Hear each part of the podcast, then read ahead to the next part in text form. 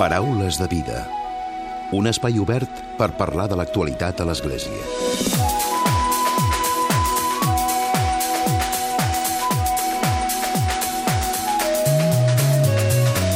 Què tal? Salutacions i molt bon dia, molt bon diumenge. A Barcelona ha acollit aquesta passada setmana el simposi organitzat pel Consell de Conferències Episcopals d'Europa, la Conferència Episcopal Espanyola i l'Arcabisbat de Barcelona per tal de reflexionar, debatre i afrontar el tema de l'acompanyament als joves. Una trobada activa que ha reunit, que ha plegat 275 especialistes en la pastoral juvenil, escolar, universitària, vocacional i catequètica de les conferències episcopals d'Europa.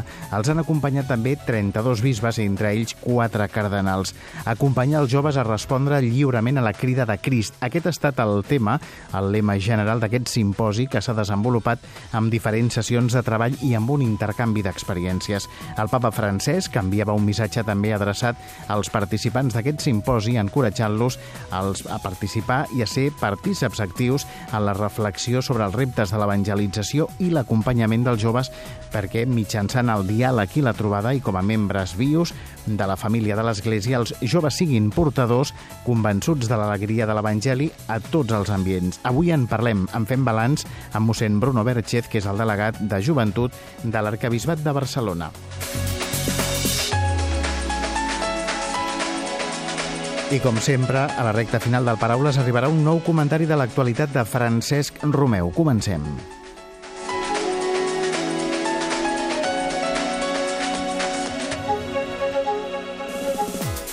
Mossèn Bruno Berchez, molt bon dia. Bon dia, què tal? Quin és el balanç a aquestes hores de, de diumenge d'aquest simposi que, de fet, ha estat important per Barcelona i per l'arcabisbat de Barcelona, oi? Sí, home, doncs molt positiu. Nosaltres hem fet d'acollidors, no? És un simposi seu, no? Ha vingut, diguem, a Europa, nosaltres també som part d'Europa, ha vingut aquí a, a, a participar-hi i uh, nosaltres contents perquè, bueno, perquè hem triat Barcelona. Barcelona suposo que per ells també era com una ciutat una mica emblemàtica, no?, de, una mica dels reptes de, de la transmissió de la fe als joves europeus, no? Lloc que això, doncs, bueno, amb tradició catòlica, però també amb molta secularització, molt cosmopolita, molt, un lloc de molta ebullició, no? Llavors, bueno, com d'alguna manera és tota l'Europa, especialment l'Europa occidental. Uh -huh. El tema el, el protagonisme, diguéssim, era pels joves des de diferents eh, pastorals, no? ho hem dit, des de la pastoral juvenil, escolar, universitària, també la vocacional i la catequètica, és a dir, que ha estat un treball transversal. Sí, aquí el que hi ha darrere mica és la idea que, que els joves no, no va a parts, no? que en realitat moltes vegades el mateix jove, o també a vegades això, no? que el, el jove és l'infant, no? també, per exemple, i què ha passat abans, no? quan tenim el jove, doncs, com ha sigut no? el treball de transmissió de la fe des de la infància.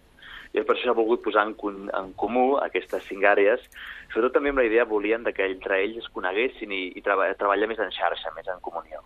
Uh -huh. S'han fet diferents eh, també àrees de treball, crec que sobretot s'ha parlat de l'acompanyament, però des de diferents perspectives, oi? Sí, hi ha hagut doncs, algunes persones més que porten experiència, com a Lola Rieta, Llavors també hi ha hagut algun bisbe, no?, que especialment el bisbe de Luxemburg, que doncs, treballa molt directament amb els joves, se'ls emporta cada estiu a, una, a fer una experiència de voluntariat o de servei. Hi ha hagut també, doncs, s'ha escoltat a joves no?, que explicaven com ells han sigut acompanyats no?, des de situacions a vegades difícils no?, per part de l'Església. Hi ha hagut també doncs, un vídeo no?, que parlava del, dels, dels joves d'avui del carrer, no?, que, que pensen sobre temes diversos, com l'amor, Déu, la felicitat. Com ha sigut bastant variat. Uh -huh.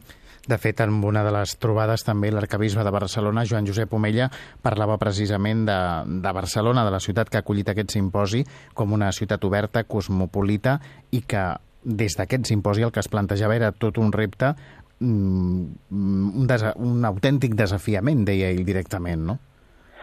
Home, sí, perquè tots tenim experiència, no? Doncs, qualsevol església mica triada a l'atzar un diumenge, no veus gaire joventut, no veus aviat més canes i, i, i calves, no? Doncs què passa, no? En canvi, els joves hi són i els joves potser van al bar del costat però l'església no entra, no? Què, què, què, què passa, no? Llavors, bueno, no tant com hem de... Aquí no venem cap producte nosaltres, sinó més aviat com presentem no? la proposta cristiana que creiem que és actual avui i d'aquí 200 anys serà, seguirà sent actual i pot canviar la vida als joves d'avui com els d'ahir com els de demà, no? Doncs com, bueno, que d'alguna manera, manera nosaltres com a església, què hem de fer no, per, per portar l'Evangeli als joves? Uh -huh. I quines són algunes de les qüestions o de conclusions que s'han posat sobre, sobre la taula de debat aquests dies de, del simposi, quan parlem d'aquest acompanyament que s'ha de fer als joves des de l'Església?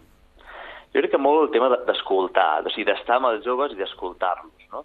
Que el jove senti no, que membres de l'Església, no tots, eh? Vull dir, a vegades pensem només en capellans i no tots membres de l'Església, perquè en, estem al costat dels joves acompanyant-los i tenint la paciència que això suposa, no? També la idea que els joves són els millors evangelitzadors dels joves. De fet, llavors potser el repte que tenim és com ajudar els joves cristians no?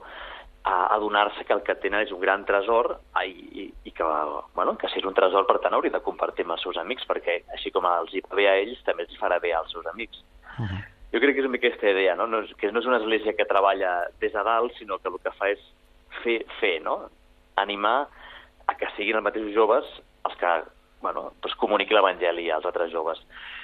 Una mica jo crec que aquesta és la idea, no? I, i molt també aquesta cosa de, bueno, aquí no hi ha fórmules màgiques, no? També s'ha dit bastant, no? Dir, bueno, a vegades s'ha d'equivocar moltes vegades, no? Doncs no tenir por a equivocar-se, no tenir por a provar, a, no tenir por a conèixer, bueno, doncs formes noves, perquè al final els mitjans són mitjans, no? L'important és que, ostres, que, que realment generem comunitats vives de joves. Uh -huh. De fet, també s'ha posat sobre la taula el tema del jovent des del marc de des del punt de vista europeu i parlant precisament de la realitat més dura, que és una realitat d'una Europa que no és fàcil, que no és fàcil per, per ningú, que no és confortable, deien directament, que no és estable, i a més a més, sobretot per milers de joves que estan venint aquí a Europa des d'Orient. De, no? Suposo que aquí també es parla una mica de tot el moviment migratori que està havent, no? Home, si és conscient d'això, que, que l'Europa... Sigui, parlar de joves europeus no és parlar de joves blancs, no? De joves europeus és parlar de joves doncs, d'això, de moltes nacionalitats, joves, ja no només joves catòlics, sinó joves d'altres religions que venen, joves, doncs això, que, que es consideren ateus, no? Clar, tots aquests són joves europeus, no? I llavors també, de quina manera, l'Església, no? Aquest tema d'acollir els, els immigrants, no? I també com incorporar, el repte d'incorporar especialment les esglésies, aquells joves d'altres esglésies que venen com immigrants aquí, com, com els, eh, diríem, no, els integrem també en la nostra església europea, no? Uh -huh. doncs, bueno, això vol dir que es torna una església més multicultural. Si estem disposats a fer-ho, perquè a vegades també ens costa a nosaltres tot i que, per tant, aquí hi ha un altre repte implícit, no? A banda d'aquest acompanyament als joves, també hi ha aquest repte de, de la interculturalitat, no? De que hi hagi aquest intercanvi de cultures en el marc de, de les esglésies i en el marc de, doncs de, de, cada, de cada diòcesi. Mm. Això, moltes, ja, això es veu ara, moltes vegades, no? molts joves que tenim a les parròquies no són joves de moltes generacions nascudes aquí, sinó que ha molts joves que venen de Latinoamèrica, no? O joves, fins i tot això, a a llocs més, més allunyats, com Xina, així, bueno, ja els tenim a les, les nostres catequesis. Bueno, doncs ja el tenim a casa, aquest repte. I penso que, bueno, sí, sí, és un d'ells, com també potser un repte gran que tenim és aquí, no? A Europa, doncs, d'alguna manera, l'Església respira un cert aire una mica anticlerical, no? I moltes vegades en certs, certs eh, col·lectius de joves, no? Bueno, doncs com d'alguna manera no quedar-se encallat en, en aquesta mena de prejudici no? i anar més enllà i d'alguna manera doncs, superar i dir, mira, no, les lleis no són tan dolents com a vegades es pensa, no? sinó que, que estem aquí per ajudar i per, per acompanyar-te. Uh -huh. Mossèn Bruno Beretxez és delegat de joventut de l'Arcabisbat de Barcelona. Mossèn Bruno, eh, també una mica parlem de la logística, de l'organització, en aquest cas de l'Arcabisbat de Barcelona, com dèiem, que és l'anfitrió, la ciutat de Barcelona, l'Arcabisbat de Barcelona. Hem parlat de 275 especialistes de les diferents pastorals amb 32 bisbes. Per tant, diguéssim que hi ha hagut un, un alt nivell de, de presència eclesial important, no? d'alt nivell a Barcelona. Sí, home, clar, aquesta logística nosaltres dediquem més a joves, que és més fàcil que a bisbes i cardenals. Però, bueno, doncs mira, ha estat també és una experiència bueno, que has de lligar molt més coses d'hotels i tal, perquè a més moltes, sobretot els cardenals, doncs, bueno, venen aquí però després se'n van allà, llavors, clar, tampoc estan tots els dies. I llavors, sí que també té una cosa en positiva. A vegades tenim aquesta idea, que venen cardenals i bisbes com si fossin gent, no sé, d'altre planeta i tal. I després són gent molt normal i que vaig parlar amb ells i, i tampoc són tan primmirats, a vegades volem, oh, que estiguin molt còmodes. Bueno, sí, però que també són, són gent d'església que segurament molts de joves han estat amb, dormint al terra allà de colònies amb els joves, llavors, bueno, que, que saben adaptar. Llavors sí que, bueno, pensàvem que potser seria més complicat i, bueno, jo penso que ha anat bé i, i de fet també la gent va amb un to també molt de, bueno, m'acullen aquí i, bueno, fem el que s'hagi de fer, no? -huh. Parlàvem també de l'apartat important, intercanvi d'experiències, no? que aquí és on precisament s'ha pogut conèixer directament quins són diferents casos en l'acollida de, de joves. Sí, això sí que si el dijous al matí va fer una mica un mercat de bones pràctiques. Clar, és això, no hi ha solucions màgiques, però sí que va bé veure com hi ha coses que bueno, pues aquí funcionen, i allà tal, i potser li pot inspirar, li pot ajudar a fer això, no? sí que tots ens adonem, jo crec que això a nivell de tota Europa, que, que a vegades fórmules que funcionaven fa 50 anys o, fa, o fins i tot fa 20 anys, potser no tant, no? I llavors veus això, que hi ha molts intents de renovar, de buscar, que el tema de les xarxes socials també, no? com estar-hi, també apareix molt, no? Tot, tot el tema també molt de, de la imatge, no? que aquest treball, aquesta cura no? de les coses, tinc una presentació, especialment de, quan estàs treballant amb joves, doncs clar, i amb tot tu has de currar, no? també a nivell gràfic, no? aquestes coses apareixen. També com, apareix, com de fer presentacions, mm, diguéssim, més adaptades a la realitat d'ara, no? Sí, que avui és, dia, és veritat, és això. Avui, avui dia no pots anar cutre. I, i, I a nivell d'església tampoc ho podem fer, especialment perquè els joves també... Hi ha una exigència, exigència visual, també. Clar, i apostar també per la comunicació, xarxes socials, no? Sí, sí, sí. El que passa és que també hem de fer coses sòlides, no? perquè ells també saben distingir el jove si, bueno, si és allò pura imatge, no? puro postureo, no? o si realment hi ha una cosa que li toca a dins, no? que realment l'ajuda ell en la seva vida personal. Uh -huh.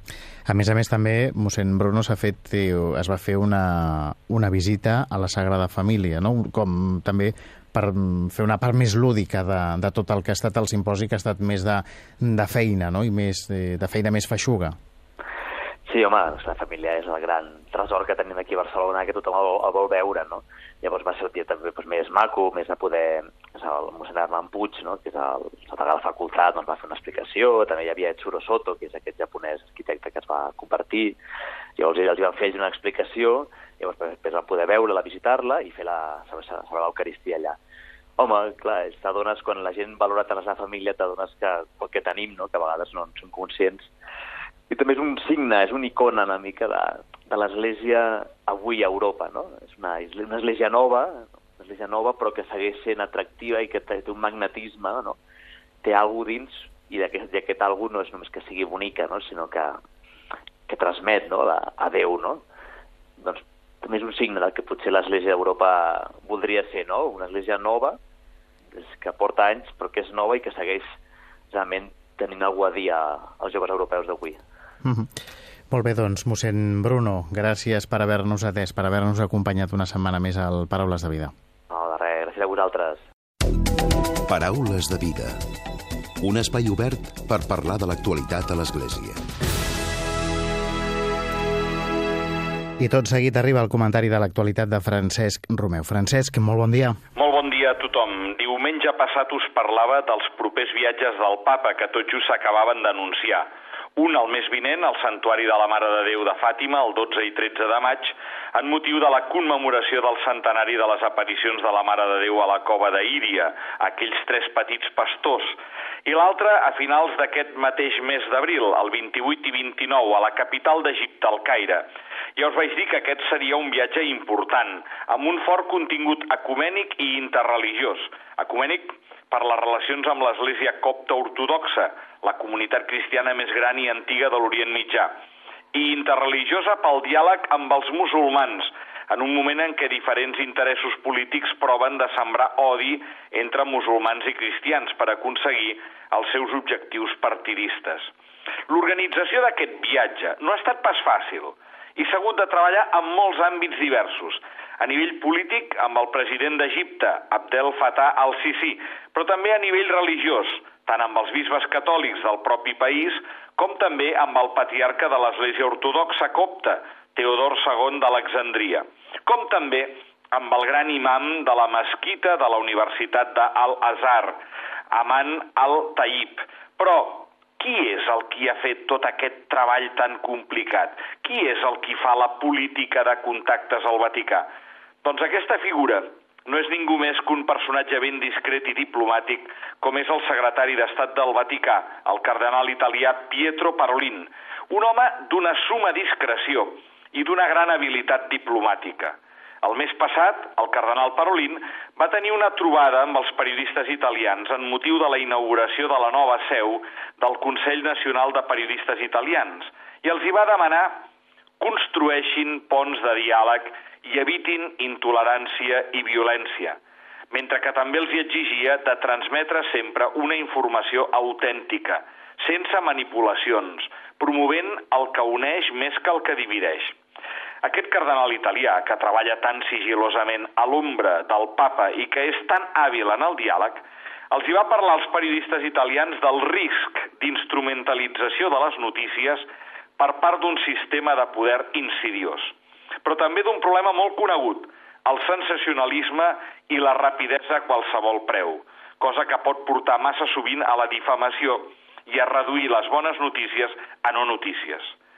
Construir ponts de diàleg va recordar Parolin per no contribuir a ampliar la indiferència i rebutjant un llenguatge que expressa violència i intolerància i que afavoreix l'enfrontament.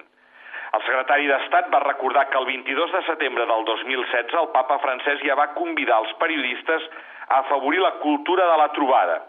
Siguin ulls i oïdes que no hi pot, pel qui no hi pot sentir. Siguin promotors d'integració en tots els nivells, siguin al servei de la comunitat, va dir.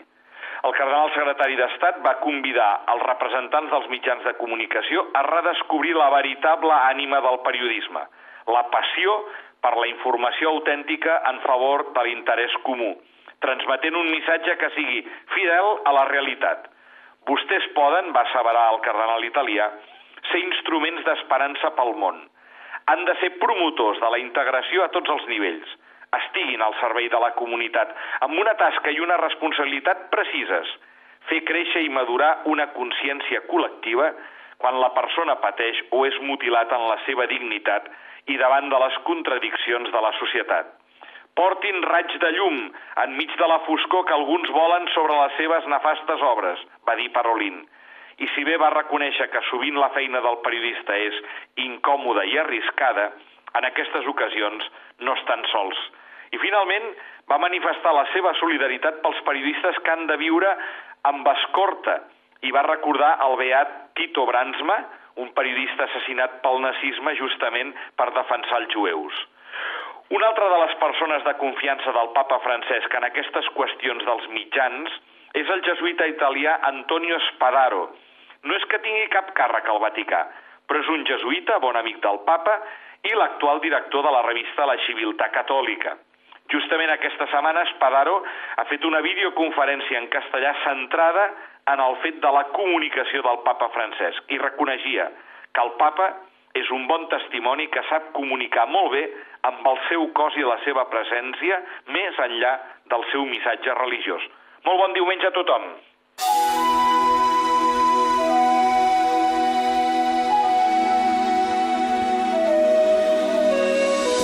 Fins aquí el Paraules de Vida d'aquest diumenge d'aquesta setmana. En Diego Monroy ha estat el control tècnic i qui us ha parlat l'Emili Pacheco. Que passeu bon diumenge i una molt bona setmana.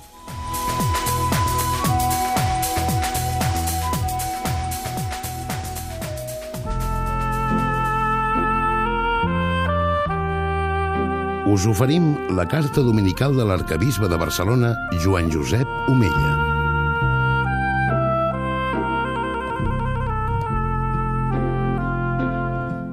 Déu vos guard. La crida a la penitència i l'anunci del perdó dels pecats és un dels grans temes de la predicació de Jesús i dels apòstols. Això ja fou preparat per Joan Baptista, que predicava un baptisme com a signe de conversió per obtenir el perdó dels pecats. Jesús va reiterar la seva missió d'anunciar a totes les nacions la conversió a Déu pel perdó dels pecats.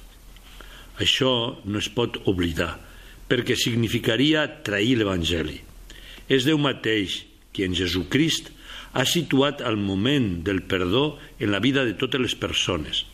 Joan Pau II recordava que en el sagrament de la reconciliació cada home pot experimentar d'una manera singular la misericòrdia, és a dir, l'amor que és més fort que el pecat. Crist ha instituït el sagrament de la penitència per a tots els membres pecadors de la seva església, sobretot per als qui, després del baptisme, han caigut en pecat greu i així han perdut la gràcia baptismal i han ferit la comunió eclesial. Els pares de l'Església presenten aquest sagrament del perdó com la segona taula de salvació després del naufragi, que és la pèrdua de la gràcia. El catecisme de l'Església Catòlica afirma que la confessió dels pecats, fins i tot des d'un punt de vista simplement humà, ens allibera i facilita la nostra reconciliació amb els altres. Per la confessió, l'Església mira cara a cara els pecats de què s'ha fet culpable, n'accepta la responsabilitat i així s'obre novament a Déu i a la comunió de l'Església. El missatge del papa Francesc per a la quaresma d'enguany ens presenta aquest temps litúrgic com un moment propici per a intensificar la vida de l'esperit, així com per escoltar i meditar la paraula de Déu. Ens cal omplir el nostre interior de la riquesa de l'Evangeli. Això ens demana viure moments de desert, enmig del soroll i de les preocupacions de la vida de cada dia. No obstant això, el Sant Pare ens recorda que Jesús és l'amic fidel que mai no ens abandona perquè fins i tot quan pequem espera pacientment que tornem a ell i amb aquesta espera manifesta la seva voluntat de perdonar. Em sembla molt significativa, especialment per a aquesta última etapa de Quaresma, aquesta invitació a obrir-nos al perdó de Crist i a renovar-nos interiorment – per això convido els cristians en aquests dies quaresmals i de preparació immediata per a la celebració de la Pasqua a rebre el sagrament del perdó de Déu per la confessió personal dels propis pecats. Durant el temps quaresmal hem d'acollir la gràcia que Déu dona en el moment del baptisme i que s'ofereix en el sagrament del perdó, com a segona taula de salvació – això ens ajudarà a convertir-nos per tal de seguir Crist d'una manera cada vegada més generosa i autèntica i així ser dignes d'obtenir la vida eterna.